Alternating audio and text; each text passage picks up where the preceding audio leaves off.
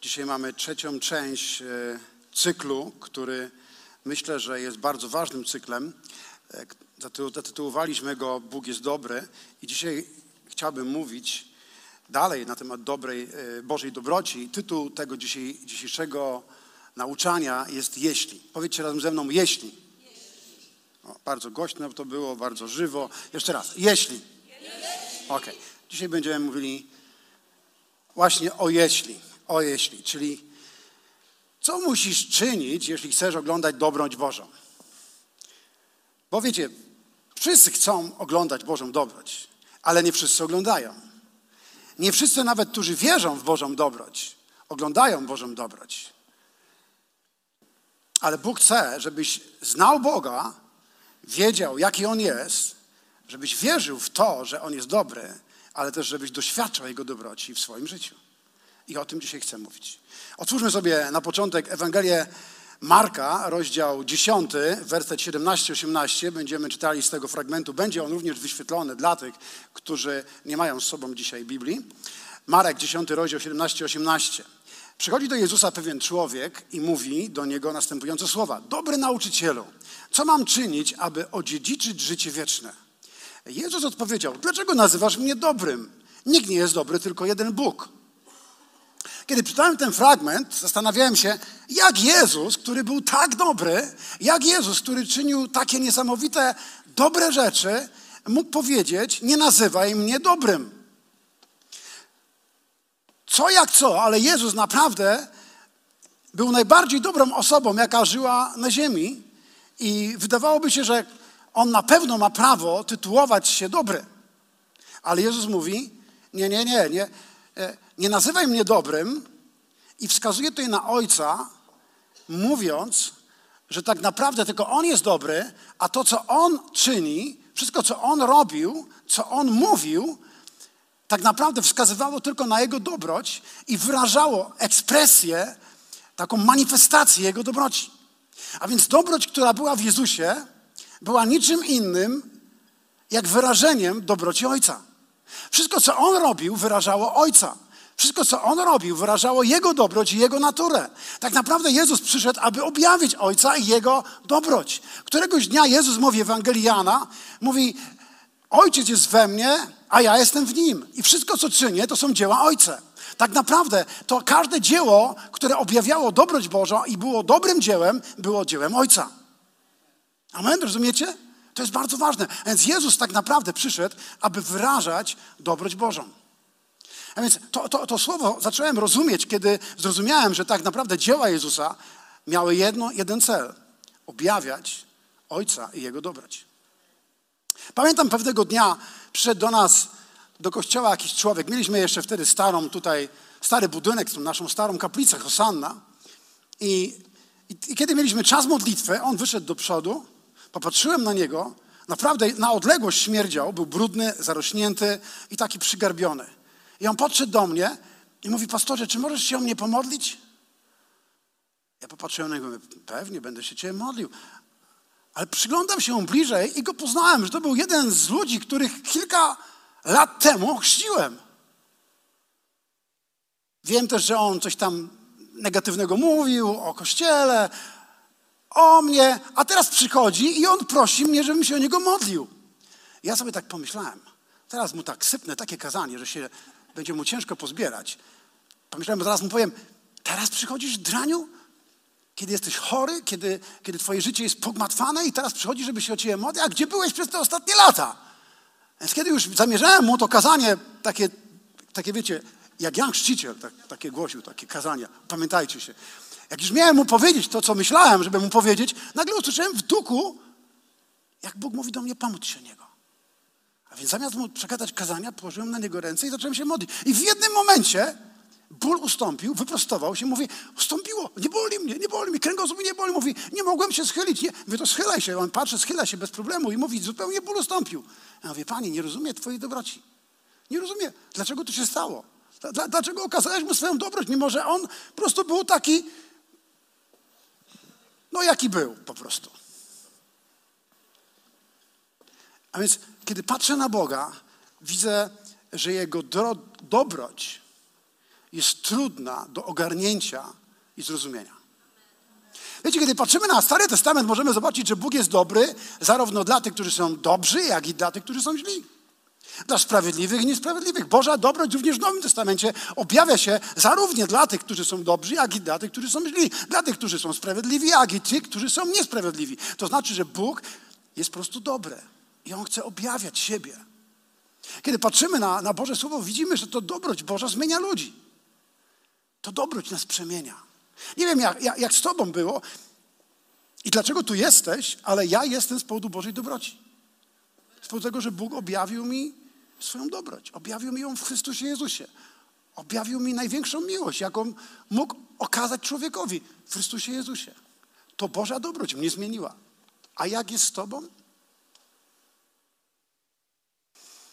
Jest jeszcze jedno miejsce, które nas zaskakuje, bardzo taką ekstrawagancką Bożą dobrocią. W Ewangelii Mateusza, rozdział 20. Chciałbym, żebyście otworzyli na moment ten fragment. Ewangelia Mateusza, rozdział 20. Jezus tutaj opowiada o Ojcu, tak naprawdę. Ewangelia Mateusza, rozdział 20. Czytamy tutaj, że Jezus opowiedział o królestwie i o pewnym gospodarzu, który wczesnym rankiem wynajął robotników do swojej winnicy. Znacie tę historię. To miała być historia, która miała objawić królestwo i miała objawić tego, który jest gospodarzem w swoim królestwie, albo królem królów, albo ojcem.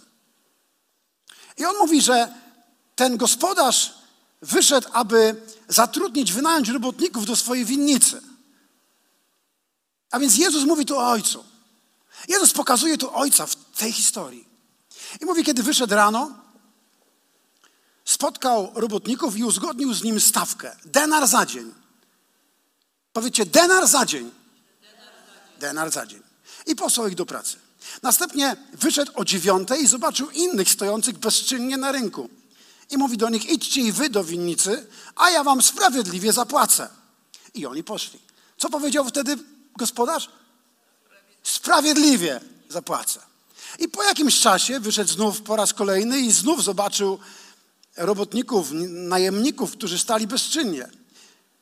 I wyszedł tak, czytamy w południe i około 15 i potem jeszcze wyszedł o 17, a dniówka była do 18, czyli na godzinę przed końcem dniówki jeszcze zatrudniał robotników do swojej winnicy.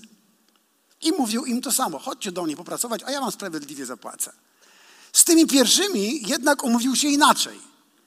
Z tymi, których zatrudnił o 6 rano, jak się umówił, pamiętacie? Umówił się na jednego denara za dzień pracy, bo tyle mniej więcej robotnik najemny otrzymywał za dzień pracy. Jeden denar. To była normalna stawka. Standard. I oto, kiedy przychodzi czas wypłaty, zaczął od tych, którzy byli na końcu. Ci ostatni, którzy pracowali tylko godzinę, otrzymali ile? Denara. Potem ci, którzy byli o 15, potem o godzinie 12, potem o 9. W końcu przychodzą ci, którzy byli zatrudnieni pierwsi, najwcześniej, i oni sobie myślą, jeżeli tamci goście otrzymali denara, to ciekawe, ile my dostaniemy. Więc kiedy oni już stają przed gospodarzem, on im wypłaca denara. I to jest to miejsce, na którym chciałbym zwrócić Waszą uwagę. Oni się burzyli. Czytamy tutaj. Poczuli się skrzywdzeni. Mówią, Pan potraktował nas na równi z tymi, którzy musieliśmy znosić, z, z nami, którzy musieliśmy znosić trud dnia i upał. Wtedy gospodarz powiedział jednemu z nich, nie krzywdzę cię, mój drogi. Czy nie uzgodniliśmy, że dostaniesz denara? Bierz co twoje i idź. Chcę bowiem temu ostatniemu zapłacić tak, jak i tobie. Czyż nie wolno mi z tym, co moje, czynić tego, co chcę? A może krzywym okiem patrzysz na to, że jestem dobry? A może krzywym okiem patrzysz na to, że jestem dobry? Czy ktoś z Was kiedyś patrzył krzywym okiem na to, że Bóg okazał dobroć komuś, a on nie był tak dobry jak Ty? A on nie wydawał się tak sprawiedliwy jak Ty? A on może modlił się mniej niż Ty? A on może mniej służył niż ty, a może nigdy nie pościł jak ty, a ojciec jemu okazał swoją dobroć, natomiast ty jakby się nie załapałeś? Czy ktoś z was miał takie doświadczenia? Czy nie, nie pamiętacie tego momentu, w którym, którym popatrzyłem na tego gościa, który przez trzy lata, czy nawet więcej, był poza kościołem i, i chlał, i, i żył grzesznym życiem, a nagle przychodzi i Bóg go uzdrawia? W jednej chwili? A więc Pan mówi. A może krzywym okiem patrzysz na to, że jestem dobry? I kiedy czytałem ten fragment, Duch Święty mi coś da, pozwolił zrozumieć. Po pierwsze, czułem, jak Duch Święty mówi do mnie, czy wynagrodzenie gospodara, gospodarza wyrażało jego sprawiedliwość? Bo on powiedział, idź i pracuj, a ja wam sprawiedliwie zapłacę. Czy to wynagrodzenie gospodarza wyrażało jego sprawiedliwość? Halo? To jest dobre teologiczne pytanie. Czy to wynagrodzenie, który gość, który od piątej pracował, wyrażało sprawiedliwość Boga? Czy to było sprawiedliwe, że ten za, załapał się na denara, a tamten, który pracował od rana, miał też denara? Czy to było sprawiedliwe? No posłuchajcie, no powiedzcie. W naszym rozumieniu nie. To wyrażanie, to, to wynagrodzenie nie wyrażało tak naprawdę naszego zrozumienia sprawiedliwości. Ono wyrażało dobroć Boża, dobroć Bożą, na której opiera się Jego sprawiedliwość. Jeszcze raz. To wynagrodzenie wyrażało dobroć Bożą, który jest częścią Bożej natury, na którym albo na której tej, tej dobroci opiera się Boża sprawiedliwość. Czajcie to, o czym mówię? Halo? Super, halleluja. Ale chciałem wam powiedzieć, największą manifestacją Jego dobroci nie były cuda Jezusa. Nie było to, że rozmnożył pięć klepków, dwie rybki i nakarmił pięć tysięcy, pięć tysięcy facetów. Nie były nawet zmartwychwstania. To nie była największa manifestacja Jego dobroci. Największa manifestacja Jego dobroci miała miejsce w ostatnich dwunastu godzinach Jego życia, nazywanych pasją. A tak naprawdę w ostatnich sześciu godzinach, o których pisze Marek na krzyżu Golgoty. Tam objawiła się największa dobroć Boża. Był to moment również objawienia Bożej sprawiedliwości opartej na Jego dobroci. Halo, chciałem, żebyście to uchwycili. Był to moment objawienia Bożej sprawiedliwości opartej na Jego dobroci. Więc kiedy czytałem ten fragment, zrozumiałem, że nikt nie z nas nie zasłużył na dobroć Bożą. Nikt z nas tutaj i nikt z Was oglądających to w internecie. Nie zasłużyliśmy na Bożą dobroć. Nikt z nas. Ale przez przyjęcie Jego sprawiedliwości, którą objawił na krzyżu, wchodzimy do Bożej rodziny i mamy dostęp do Jego dobroci jako Jego dzieci, jako Jego rodzina. To tak działa. Jeszcze raz. Nie zasłużyłem na Jego dobroć, ale przez objawienie Jego sprawiedliwości na krzyżu wchodzę, staję się sprawiedliwy i wchodzę do Bożej rodziny jako Boże dziecko i mam wtedy dostęp do Bożej dobroci i mogę z niej korzystać. Jeśli odkryjesz to, jeśli będzie to ci objawione, to będziesz coraz więcej doświadczał Bożej dobroci. Będziesz szedł z chwałę w chwałę. Będziesz szedł z jednej manifestacji Bożej dobroci do drugiej manifestacji. I tak będzie wyglądało Twoje życie. Amen? I mógłbym Wam przez kolejną godzinę, zapomniałem w ogóle włączyć sobie odliczankę, teraz to już musztarda po obiedzie. To teraz mi wybaczycie, bo ja nie wiem, ile głoszę już. A więc mógłbym Wam opowiadać o Bożej dobroci. Może godzinami, którą Bóg objawiał w Starym Testamencie, Bóg objawiał w Nowym Testamencie, Bóg objawiał w historii Kościoła. Ale tak, tak naprawdę i tak to Was nie interesuje. To prawda?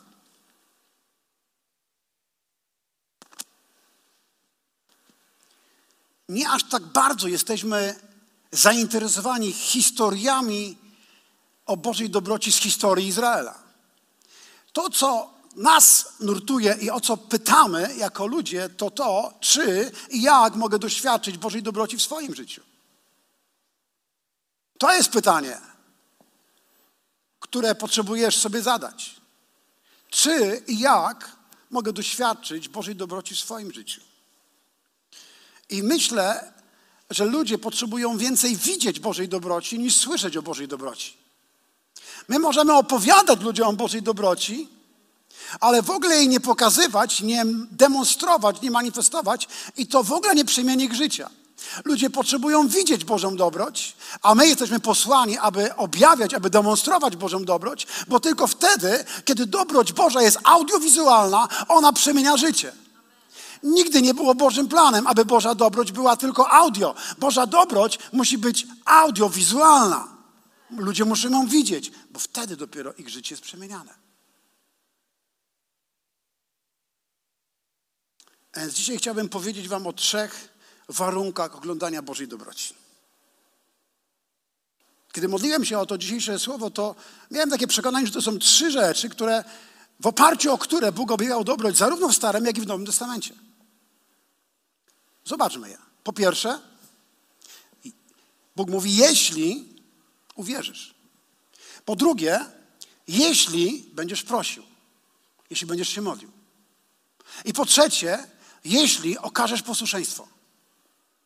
To można powiedzieć, że Boża dobroć w pewnym sensie jest uwarunkowana. I to są trzy warunki, o których chciałbym dzisiaj troszeczkę powiedzieć.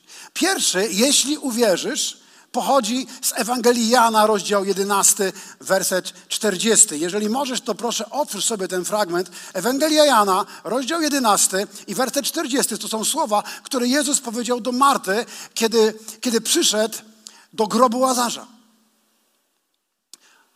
On mówi do niej tak. Werset 11, rozdział 11, werset 38, 40. Jezus znów wesnął głęboko i udał się do grobu. Grobem była grota. Wejście zamykał kamień. Jezus polecił, usuńcie ten kamień. Wtedy odezwała się Marta, siostra zmarłego. Panie, panie, będzie czuć, bo jest już czwarty dzień. Czwarty dzień w grobie. Jezus zwrócił się do niej. Czy ci nie powiedziałem, że jeśli uwierzysz, zobaczysz chwałę Bożą? Czy ci nie powiedziałem, że jeśli uwierzysz, zobaczysz, ujrzysz chwałę Bożą? To było coś, co powiedział Jezus do Marty, ale również to samo mówi dzisiaj do nas. Jeśli uwierzysz, będziesz oglądał chwałę Bożą w swoim życiu. Jeśli uwierzysz, zobaczysz moją dobroć. Bo czym jest tak naprawdę Boża chwała, jeśli nie objawieniem Jego natury, tego, jaki On jest, a więc tego, że Bóg jest dobry. Jeśli uwierzysz, jeśli nie uwierzysz, mimo że Bóg jest dobry i, i będzie dobry, był dobry i będzie dobry, to nie doświadczysz jej w pełni. Potrzebujesz uwierzyć. I o tym właśnie mówił Jezus do Marty. Zanim Jezus się udał do Marii i Marty, po tym jak dowiedział się, że, że Łazarz choruje, a potem już się dowiedział, że umarł, w rozdziale 11, werset 3-4 mówi do swoich uczniów, gdy Jezus to usłyszał, powiedział, ostatecznie końcem tej choroby nie będzie śmierć, lecz objawienie chwały Boga. Za jej sprawą Syn Boży będzie uwielbiony. Ale zobaczcie, Jezus wiedział tak naprawdę, co się dokona. On wiedział, że, że końcem tej choroby nie będzie śmierć. Kiedy dowiedział się, pewnie jeszcze Łazarz żył. Ale Jezus wiedział, że ta choroba skończy się śmiercią, która się zamieni w objawienie chwały Bożej.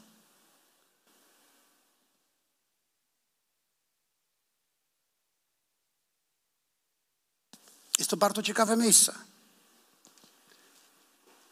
Jest tam rozmowa Jezusa z Martą, która jest niesamowita. Bo to Marta pierwsza spotyka Jezusa, kiedy Jezus z uczniami przychodzi do Betanii. I Jezus tam jej mówi o tym, co się ma dokonać. Ciekawe jest to, co Marta za pierwszym razem mówi. Marta natomiast wróciła się do Jezusa. Panie, gdybyś tu był, brat by nie umarł. Ale i teraz wiem, że, że Bóg da ci wszystko, o co go poprosisz. Jezus wtedy upewnił zmartwychwstanie twój brat. A Marta mówi, tak, tak, tak, ja wiem, że zmartwychwstanie w dzień zmartwychwstania. Ale zobaczcie na, na wiarę Marty. Po pierwsze, Marta wierzyła w uzdrowienie, wierzyła, że, że gdyby Jezus był, to by go uzdrowił, on by nie umarł. Potem dalej wierzyła, że, że Jezus, że on może Łazarz zmartwychwstać w dzień zmartwychwstania. Czyli są poziomy wiary. Z czego wynikają poziomy wiary? Ze zrozumienia objawienia dobroci Bożej. Jeśli chcesz wejść na wyższy poziom wiary, to musi przyjść większe zrozumienie Bożej dobroci i Jego natury. Bo wiara wzrasta wraz ze zrozumieniem, objawieniem dobroci Bożej. A więc wiara Marty opierała się na tym, że ona wierzyła w to, że Jezus może uzdrowić Łazarza. Wierzyła, że Łazarz może zmartwychwstać w dzień zmartwychwstania, ale Jezus mówi, chcę poprowadzić cię dalej, bo chcę, abyś odkryła coś bardzo ważnego, co może wywrócić do góry całe twoje życie. I on mówi jej. Wtedy Jezus skierował do niej słowa. Ja jestem zmartwychwstaniem i życiem. Wow. Kiedy ja to przeczytałem, zrozumiałem, że o czym Jezus mówi. On mówi, ja jestem zmartwychwstaniem. Ja jestem życiem. Kto we mnie wierzy, choćby nawet umarł, żyć będzie. A każdy, kto żyje i wierzy we mnie, nie umrze na wieki. Czy wierzysz w to? Czyli mówi o innym poziomie wiary, że Jezus jest mocą zmartwychwstania. Jeżeli On jest we mnie, to we mnie jest moc zmartwychwstania. Jeśli Chrystus jest życiem i zmartwychwstaniem, to we mnie jest Boże życie i Boże zmartwychwstanie. Jeśli Chrystus jest zmartwychwstaniem i życiem, a On jest w nas, Chrystus w nas, nadzieja chwały, to jeżeli On jest w nas, to wtedy zmartwychwstanie, moc zmartwychwstania jest w nas to wtedy moc do czynienia cudów jest w nas. On zaczął je o tym mówić, zaczął zapowiadać coś, co będzie miało miejsce później. Mówi nie tylko to, że ja jestem w mocy, ja mam moc, aby, aby wzbudzić zmartwych Łazarza, ale ja jestem zmartwychwstaniem. Dlatego, kiedy moja żona dzisiaj opowiadała tą historię o człowieku, który był, przyjechał, przyjechał po prostu do nas z Indonezji, do Polski, tak, tak naprawdę on mieszka teraz w Singapurze, ale to Hindus, który był misjonarzem w Chinach, to w ogóle bardzo zagmatwana historia. I ten człowiek, kiedy nam opowiadał o cudach, które Bóg czynił w Chinach, nasze dosłownie oczy się robiły okrągłe, tak jak jego, i włosy nam się jeżyły kiedy słuchaliśmy o tym, co Bóg czyni, ale dlaczego On czyni takie rzeczy, które nawet nie śniliśmy w Polsce, dlatego że Jezus jest zmartwychwstaniem i On żyje w nas. On żyje w ludziach, którzy uwierzyli w Niego i ci, którzy uwierzyli w Niego, również, również doświadczają mocy zmartwychwstania. Jeżeli nie doświadczasz tego, to może Twoja wiara jest na poziomie w to, że wierzysz, że Jezus może uzdrowić.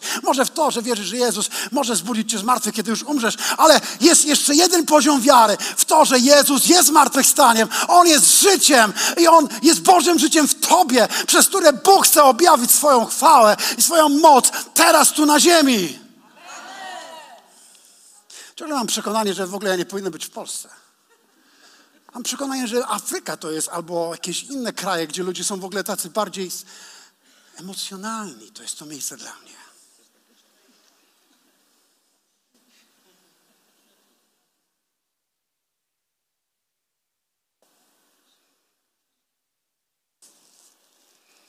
Okej. Okay. Trochę się podekscytowałem. Trudno po prostu być podłączonym do prądu i nie być podekscytowany. Jeśli nie wierzysz, to weź, chwyć jakieś dwa kable. Zero i faza i zobaczysz, co się dzieje. A więc to, co się stało, było proroczą zapowiedzią tego, co ma być. Po tym, jak Jezus zmartwychwstanie, pójdzie do nieba i da nam swego ducha, aby przez Ducha Świętego zamieszkać w nas.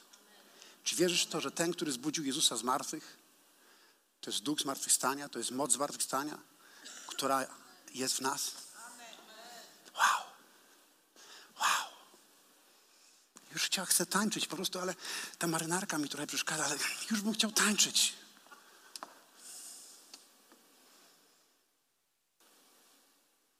Nie wiem, czy wiecie, że prawosławni mają takie święto Łazarza.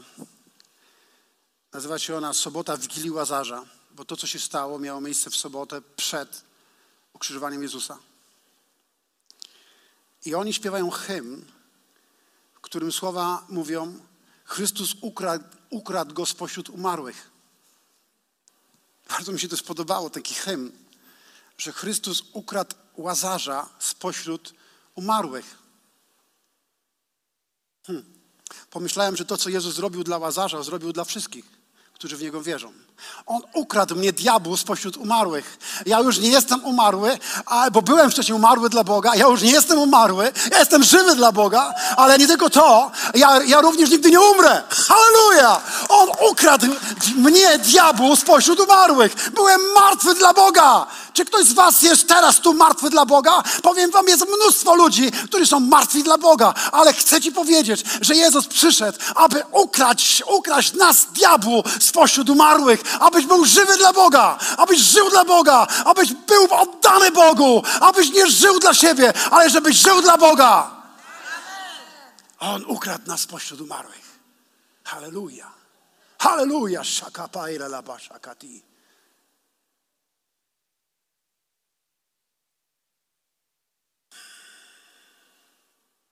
Wy mnie w ogóle rozumiecie? Tak? Asiu, ty mnie rozumiesz w ogóle, o czym ja mówię, tak? To jest wszystko ok? Ten Hindus tak samo dar się jak ja. Ja się mówi, czemu tak się drze? Ja, ja, ja, ja go rozumiem. Ja go rozumiem. Ja go rozumiem. Okej, okay, ale to nie, nie, mój temat. Nie, nie, wiem, czy wie, że, że wskrzeszenie Łazarza tak naprawdę było ostatnim takim publicznym cudem Jezusa? Przed ukrzyżowaniem? I ja myślę, że nasze skrzeszenie będzie, będzie pierwszym cudem po Jego powrocie. Kiedy Jezus wróci, to ci, którzy umarli, staną wskrzeszeni z martwych. Tak jak wskrzeszenie Łazarza było proroczą zapowiedzią czegoś, co Bóg będzie robił, tak Jego powrót będzie pierwszym cudem, nasze skrzeszenie będzie pierwszym cudem po Jego powrocie. Pomyśl o tym przez chwilę. Pomyśl o tym przez chwilę. A więc jeśli chcemy oglądać, musimy uwierzyć. Jeśli chcemy oglądać cuda i Bożą dobroć, musimy uwierzyć.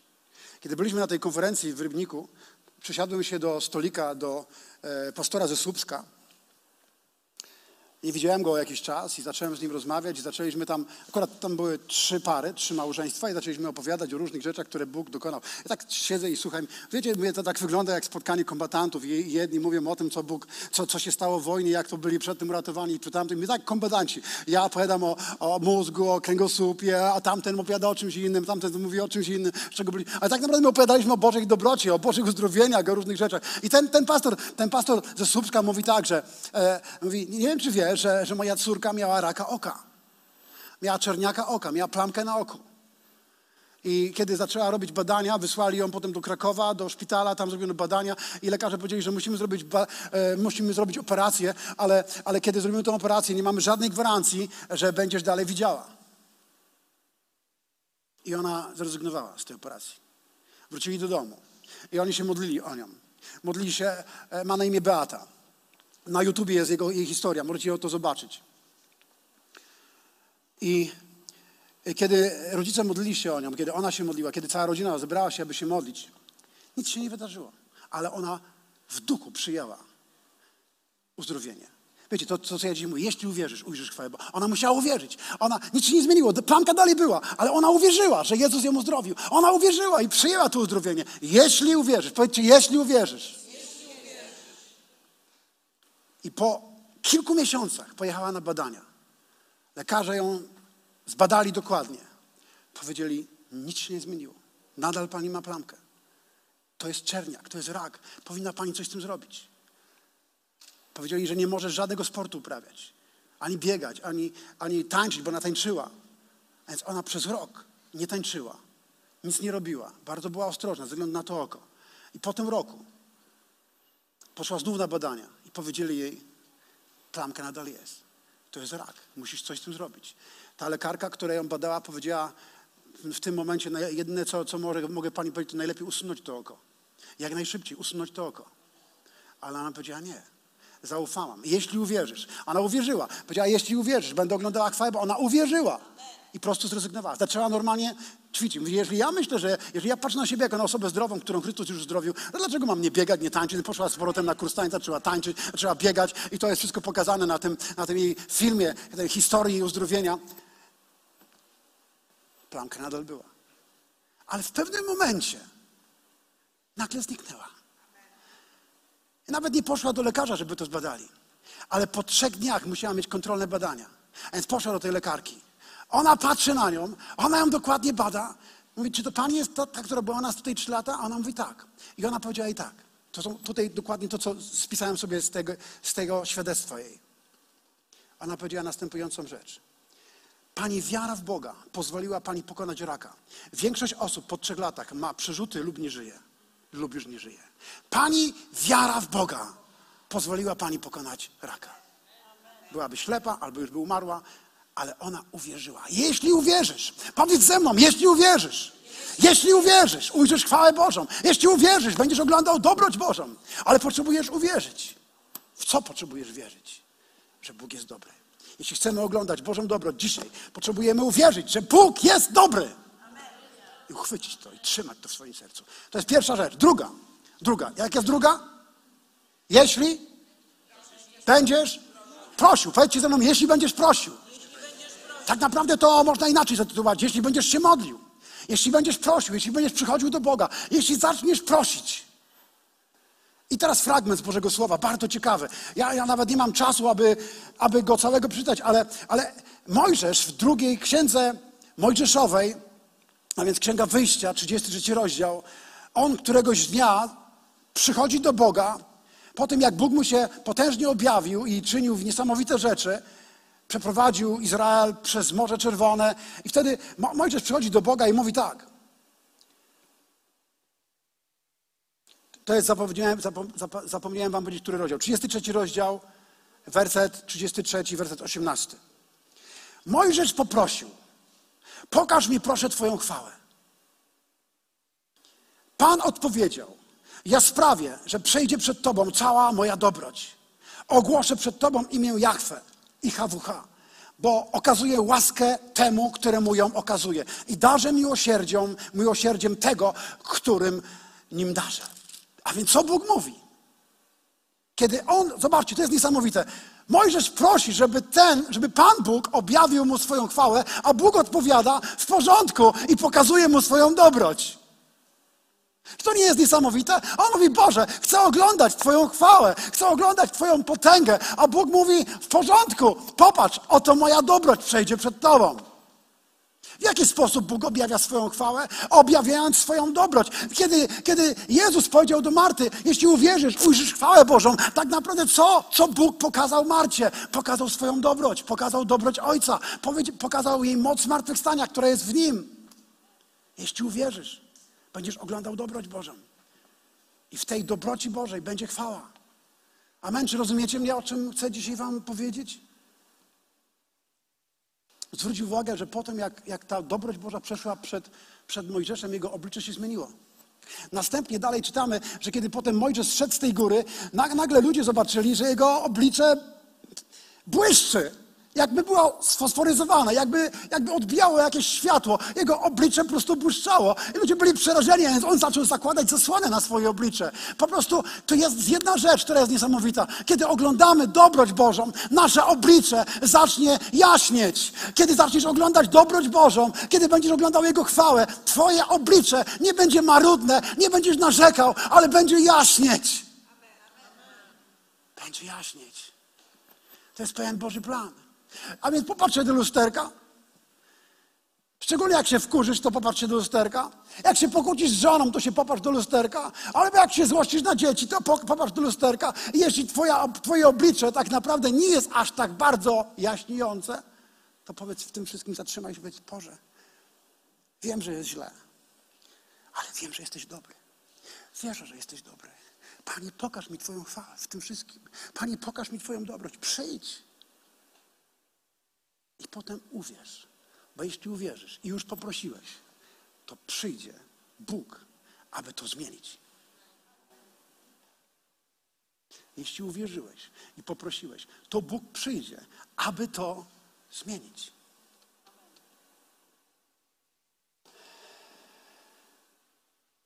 Czy to jest możliwe, że Bóg zamierza zmienić twarz swoich ludzi, swojego kościoła poprzez objawienie im swojej dobroci? Halo, popatrzcie na mnie. Jesteście ze mną tutaj? Czy to jest możliwe, że Bóg chce zmienić oblicze Kościoła w Polsce przez objawienie Mu, nam, swojej dobroci? Czy zdajecie sobie sprawę, jak wyglądały twarze ludzi tam przy grobie Łazarza, kiedy Łazarz zmartwychwstał i wyszedł z grobu?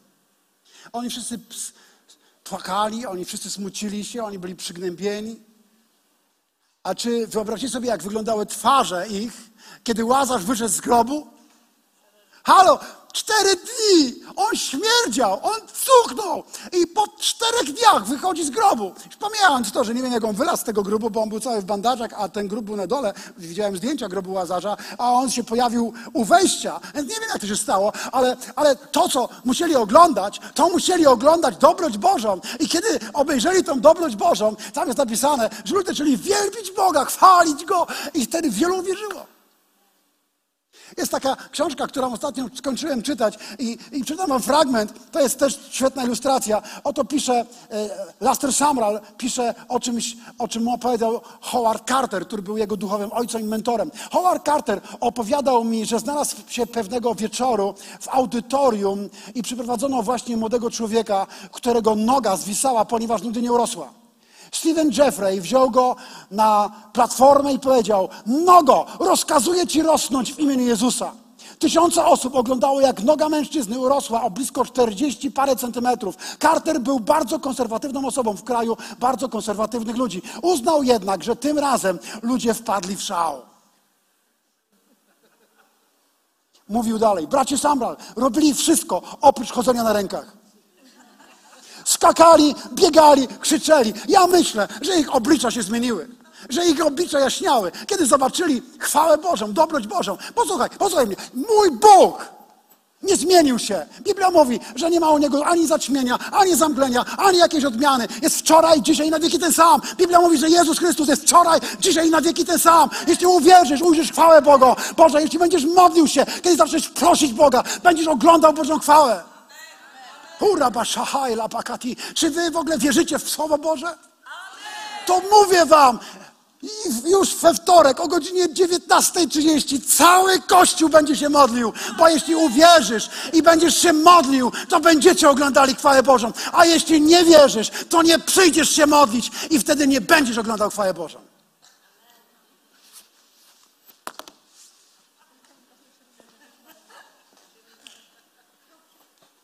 Co tak cicho? My nie baptyści ani katolicy. Halo. Jesteśmy zielonoświątkowcami podobno. Halo. Czy to ma sens dla was? Czy jesteśmy tylko słuchaczami słowa, czy jesteśmy wykonawcami słowa?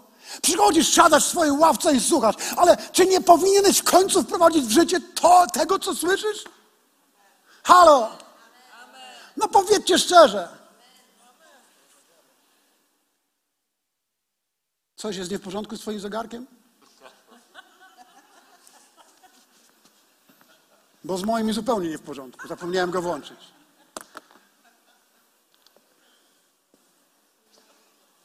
Ostatni punkt. Mógłbym jeszcze ciągnąć i ciągnąć. Wiecie. Wy wiecie. Halleluja. Dobrze, jeśli okażesz posłuszeństwo, ostatni punkt. Teraz to będzie, będzie jazda, teraz. Jeśli wszystko wcześniej nie było jazdą, to mówię ci, teraz będzie jazda, zapnij pas. Będzie przyspieszenie. Ostatni punkt jest jaki? Nie, nie słyszałem. Co wy mówicie w ogóle? Aha, a wcześniejsze jakie były? Jeśli uwierzysz, a drugi? Się modlił, a trzeci? Okej, okay, okej, okay, jesteśmy razem, widzę. A teraz posłuchajcie. W dziejach apostolskich apostoł Piotr mówi, 5,32, że Bóg dał Ducha Świętego tym, którzy są mu posłuszni. Komu Bóg daje Ducha Świętego? Tym, którzy są Bogu posłuszni. Biblia mówi o Jezusie, że chodził, był pełen ducha, został namaszczony przez ducha, chodził, czynił dobrze i uzdrawiał wszystkich, którzy byli dręczeni przez diabła, bo Bóg był z nim. Dlaczego Jezus czynił dobrze?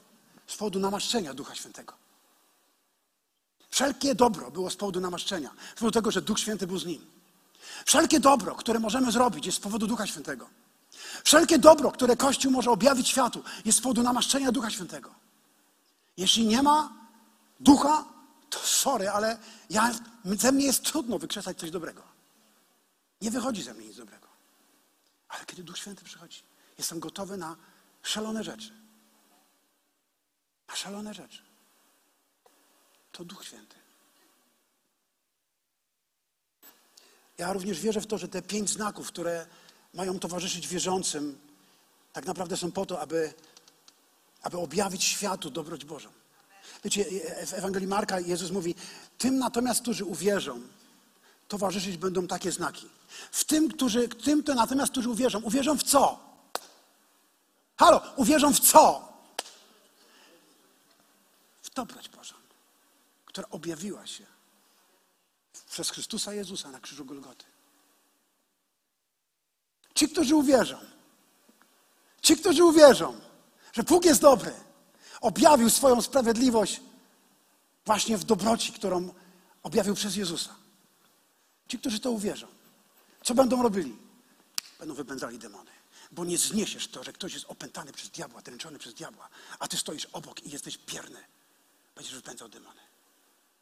Będziesz mówił innymi językami. Nawet jakbyś coś trującego zjadł czy wypił, to nie zaszkodzi ci. Bóg objawi swoją ochronę nad tobą. Aby świat wiedział, że On jest dobry. W końcu będziesz kładł ręce na chorych. Bo Jezus to robił.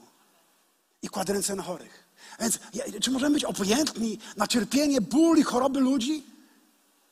Jeżeli to nie jest z Pana Boga, ale to jest ze złego, od złego, Ci, którzy znają Bożą dobroć, będą kładli ręce na chorych. I w tym akcie posłuszeństwa, kiedy kładziesz ręce na chorych i, do, i wierzysz w to, że, że Bóg jest dobry i prosisz, Panie, objaw swoją dobroć, Bóg przyjdzie i objawi swoją dobroć. Ale jeśli my nie okażemy posłuszeństwa, kładąc ręce na chorych, używając autorytetu imienia Jezus, jak On może światu objawić swoją dobroć? Jak to się może stać, jeśli my nie okażemy posłuszeństwa, kładąc ręce na chorych? Ale powiedzcie mi, czy to się może wydarzyć? Czy świat może poznać dobrą Bożą, kiedy my jesteśmy, nie jesteśmy posłuszni i nie żyjemy w poddaniu Bogu i w posłuszeństwie? Żyjemy w buncie, żyjemy w zakłamaniu, żyjemy w grzechu, żyjemy w, w nieposłuszeństwie i nie robimy tego, do czego Bóg nas powołał. Nie wierzymy w to, że Chrystus jest w nas. Moc zmartwychwstania i życie, które Jezus nam dał, jest w nas. Potrzebujesz w to wierzyć. Potrzebujesz w to wierzyć. A teraz już kończąc. To jest myśl, którą chciałbym, żebyście zapamiętali. Gdybyście mieli tylko jedną rzecz zapamiętać tego kazania, to to jest to.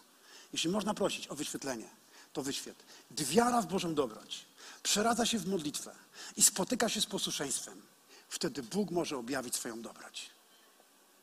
Jeszcze raz. Gdy wiara w Bożą dobroć przeradza się w modlitwę i spotyka się z posłuszeństwem, wtedy Bóg może objawić swoją dobroć. Gdy wiara w Bożą dobroć przeradza się w modlitwę i spotyka się z naszym posłuszeństwem, wtedy Bóg może objawić swoją dobroć światu. Niech ktoś powie Amen. I tą historię, którą zepsułem mojej żonie, sorry, ale chciałem powiedzieć ją na koniec. Mam kilka historii ze swojego życia, ale naprawdę czułem, że mam tym się podzielić. Bo byliśmy ubłogosławieni tą historią, kiedy ten e, Richard Williams, Chińczyk z Singapuru, który był misjonarzem w Chinach. Znaczy Hindus z Singapuru, który był misjonarzem w Chinach. On jemu powiedział. Mówi, pewnego dnia, to jest już ostatnia historia, ja zawsze mówię, że jeżeli naprawdę się śpieszysz, no w ogóle nie musisz tutaj być do końca tego kazania. Ale po, myślę, że warto posłuchać do końca tego. Ten człowiek opowiadał o takich aktach posłuszeństwa i poddania Bogu, że ja myślałem, Boże, gdzie ja jestem? Kiedy on opowiadał o tych swoich aktach posłuszeństwa i oddania Bogu, ale też opowiadał o cudach, które Bóg czynił przez jego życie, to ja zastanawiałem się, Boże, gdzie ja jestem? Jak wygląda moje życie? Czy ja tylko robię Kościół? Czy ja jestem Kościołem Jezusa na ziemi? Czy my tylko robimy Kościół? Czy my tylko chodzimy do Kościoła? Czy my jesteśmy Kościołem Jezusa? Halo, jesteście ze mną? W ogóle nie rozumiecie mnie w ogóle. Tak? Dziękuję. Zawsze lepiej się głosi, jak wie, że ktoś cię rozumie. I ono powiedział, że potem jak już wrócił, wrócił z Chin jako jeździł do wielu różnych krajów i kiedyś pojechał do Korei. Tam został zaproszony. Mówi, Koreańczycy to jak zapraszają kogoś na trzy dni, to mu tak organizują czas, że nawet nie ma kiedy spać. A mówi, miałem, w ciągu trzech dni miałem 15 usług w kościele. 15 kazań w trzy dni, to jest dość dużo. Wierzcie mi, to naprawdę to jest dość dużo. Więc kiedy skończył, już, już się nie mógł doczekać, kiedy zakończy i mówi, już byłby taki szczęśliwy, kiedy już było ostatnie kazanie. Skończył, ten pastor, który go zapraszał tam, e, przyszedł e, i miał młodą tłumaczkę, studentkę i on przyszedł i wręczył tej studentce kopertę, taką cienką i jemu taką grubą. Grubą kopertę. Mówi, to jest honorarium za wasze usługi, wie, 15 usług, to jest dość trochę czasu. I on się tak cieszył, że już może wracać, wziął tą kopertę, włożył do kieszeni i teraz już na lotnisko. I wtedy Duch Święty mu powiedział, zamień się z tą kopertą, zamień się na kopertę z tą tłumaczką. On mówi, Panie, czy to ty? Wyraźnie mówi, zamień się na tę kopertę. No, ale ona miała taką cieniutką, ja miałem taką grubą. A ja mówię, zamień się. On podszedł do niej i mówi, bardzo śmieszny w ogóle był. Jeśli ktoś was Karla Gustawa oglądał, to, to on w porównaniu z nim to nic. Ten to dopiero. Ja nie potrafię tego tak przedstawić. On taki wzrostu mniej więcej. E, To, a tłumacz jego był taki. Taki i taki. Ale to było bardzo fajne. Nie? Przesadzि- Przesadziłem. No może taki. Ale mocny w Panu, potężny w Panu, potężny Boży mąż w Panu. Słuchajcie, ale okej, dobra, jesteście ze mną? Dobra, musimy kończyć. Dał jej tą kopertę i mówi, chciałem się zamienić z tobą na kopertę. Ona mu dała swoją. On mówi, to jest dla ciebie, mnie się Bóg błogosławi. Takie oczy zrobiła, mówi, dziękuję. Mówi, tak się modliłam, musiałam zapłacić za czesne. Tak się modliłam, żeby Bóg mi dał pieniądze, żeby mogła nas za studia za czesne zapłacić. I nie miałem, a, a, teraz, teraz będę mogła zapłacić. A on mówi, no okej, okej. Bóg jest dobry, Bóg jest dobry, tak? Więc ona była szczęśliwa. Zobaczcie, jeśli uwierzysz i będziesz prosił, modlił się, okażesz posłuszeństwo we wszystkim, Bóg to zobaczy i odpowie, objawi swoją dobroć. A ta ona poszła, a więc on wziął tą małą, cienką kopertę i już miał wracać, a wtedy Bóg mówi, czy pamiętasz tego takiego młodego chłopaka, który miał takie krótkie, krótkie świadectwo w czasie nabożeństwa? Takie kilkanaście sekund miał. Mówi, daj mu tą kopertę. A on mówi, panie, czy to ty jesteś ty? A on mówi, tak, tak, daj, daj mu tą kopertę. A on podszedł do tego, kilkanaście miał, no, krótki, kilkanaście sekund miał, tej świadectwa miał. A on mówi, za- zaprosił go i mówi, to jest, jest coś, co Bóg mi powiedział, że mam ci dać. I dał tą kopertę tej tłumaczki jemu. Więc on został bez niczego, bez żadnej koperty. A więc lekki, spokojnie mógł wracać do lotniska, na lotnisko po 15 kazaniach, które wygłosił. I wraca, już w końcu ląduje w Singapurze. Ląduje w Singapurze odbiera telefon ktoś dzwoni. O, mówi, o, pastorze, pastorze Williams, ja, ja, ja mam coś, co, co Bóg mi powiedział, muszę do ciebie szybko przyjechać na lotnisko. A mówi, o co chodzi? A mówi, poczekaj, poczekaj, ja teraz będę. Ja nie, próbowałem się do ciebie dodzwonić, mówię, cieszę się, że odebrałeś, ja muszę do ciebie przyjechać. Więc on taki podekscytowany e, przyjeżdża do tego lotniska, jeszcze zanim on wyjały, to on na to lotnisko przyjeżdża. I mówi, słuchaj, Bóg mi powiedział w nocy, że, że mam ci to dać. I wyciąga kopertę, a tam 30 tysięcy dolarów. Daje mu tą kopertę. A on wziął tą kopertę. Mówi, Panie, jesteś tak dobry. Pomyślałem, Boże, ileż razy omijamy się z tym, co najlepsze, z tym, co Bóg ma dla nas, z Jego dobrocią. Bo nie prosimy, bo nie wierzymy i nie okażemy im posłuszeństwa, bo nie ufamy Bogu, że jest dobry. Ale jeśli uwierzysz, że On jest dobry i zaczniesz prosić i modlić się, a potem żyć w posłuszeństwie, będziesz oglądał Bożą dobroć. Będziesz oglądał Bożą, Bożą dobroć. Bo On jest wczoraj, dzisiaj na wieki ten sam. Cała nasza historia. Fajnie, że macie jeszcze tę godzinę. Opowiem wam trochę naszej historii, kiedy my byliśmy posłuszni z Basią. Żartuję, teraz żartowałem. Teraz już naprawdę żartowałem. Chciałem, żebyśmy zakończyli modlitwą. Pamiętajcie, jeśli uwierzysz, jeśli będziesz prosił, jeśli okażesz posłuszeństwo Bogu, On przyjdzie i objawi swoją dobroć w Twoim życiu i przez Twoje życie. Amen. Wstańmy. Panie, dziękujemy za ten czas, Panie, i dziękujemy za to słowo, które dzisiaj przekazałeś nam i dałeś nam. Wierzymy, że to jest słowo od Ciebie, Panie. Wierzymy, że Ty chcesz zmieniać nasze życie. Panie, i wierzymy też, że Twoja dobroć zmienia nasze życie. Panie, ale nie chcemy być ludźmi, którzy tylko słuchają o Bożej dobroci. Chcemy ją widzieć w naszym życiu. Chcemy ją oglądać w naszym życiu. I dzisiaj modlę się teraz, abyś przyszedł, Panie, i objawił swoją dobroć tym, którzy wierzą w Ciebie. Tym, którzy są gotowi prosić i okazać Ci posłuszeństwo. Panie, naucz nas tego i Panie, modlę się, aby, Panie, nasze życie było przepełnione oglądaniem Twojej dobroci. Abyśmy zakochali się w Tobie. Abyśmy, Panie, ufali Tobie. I abyśmy, Panie, opowiadali światu i pokazywali światu Twoją dobroć. Panie, dzisiaj modlę się o każdą osobę na tym miejscu. Panie, niektórzy z nich od dawna nie widzieli Twojej dobroci. Może niektórzy załamali się w wierze albo upadli w wierze. Może stracili swoje, swoją relację z Tobą i przestali się modlić. Może okazali Tobie nieposłuszeństwo i żyją w potępieniu i jest im trudno na nowo okazać Tobie posłuszeństwo. Panie, dzisiaj modlę się, abyś zmienił nas. Panie, modlę się, aby każdy na tym miejscu, kto słuchał tego słowa, aby mógł dzisiaj powiedzieć: Tak, Panie, wierzę w Twoją dobroć. Tak, Panie, jestem gotowy prosić Ciebie i modlić się o każdą rzecz. Jestem gotowy okazać Ci posłuszeństwo. Cokolwiek pokażesz mi, że mam zrobić. Panie, modlę się, naucz nas tak żyć. Naucz nas tak żyć. Jezu, modlę się, naucz nas tak żyć. Duchu Święty, przyjdź teraz. Przyjdź teraz. Przyjdź teraz. Halleluja. Halleluja. Niektórzy z Was potrzebujecie doświadczyć Bożej dobroci, więc możecie przyjść do przodu. Chcemy się modlić o każdego z Was. Jeśli są tu liderzy, którzy czują, że Bóg ich teraz prowadzi do tego, aby modlić się o tych, którzy wyjdą, to po prostu wyjdźcie też. Chodzi o to, żebyś to miał pewność w swoim sercu, że masz się modlić ludzi. Jeśli więc potrzebujesz doświadczyć Bożej dobroci, nie wiem w jakim miejscu jesteś w życiu, ale chcę Ci powiedzieć, że jeśli potrzebujesz doświadczyć Bożej dobroci, to my jesteśmy tutaj, aby modlić się o to, aby Bóg objawił swoją dobroć.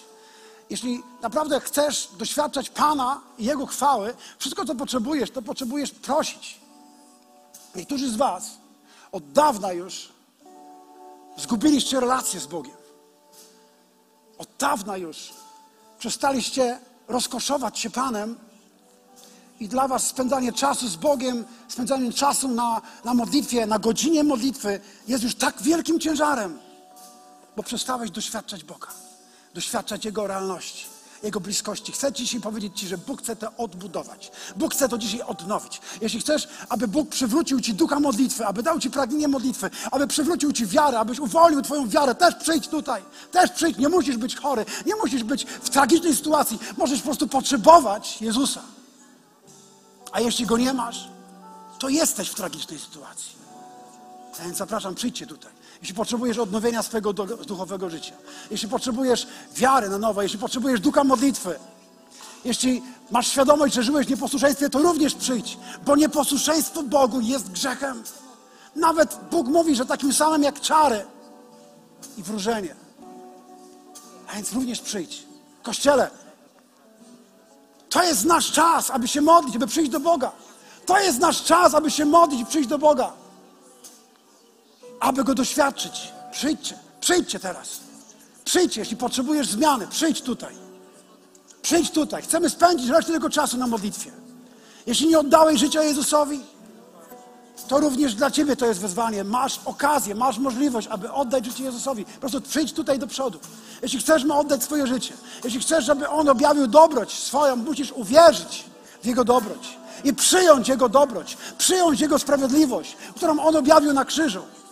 To się dzieje wtedy, kiedy przychodzisz i mówisz: Jezu, potrzebuję Ciebie. Jezu, przepraszam Cię za moje grzechy. Jezu, chcę przyjąć Twoją sprawiedliwość, aby oglądać Twoją dobroć w moim życiu.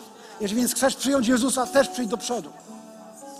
Chcę Ci powiedzieć, chcę Wam powiedzieć, że przebudzenie, przebudzenie, duchowe przebudzenie w Twoim życiu nie przyjdzie, jeśli nie będziesz szukał Boga.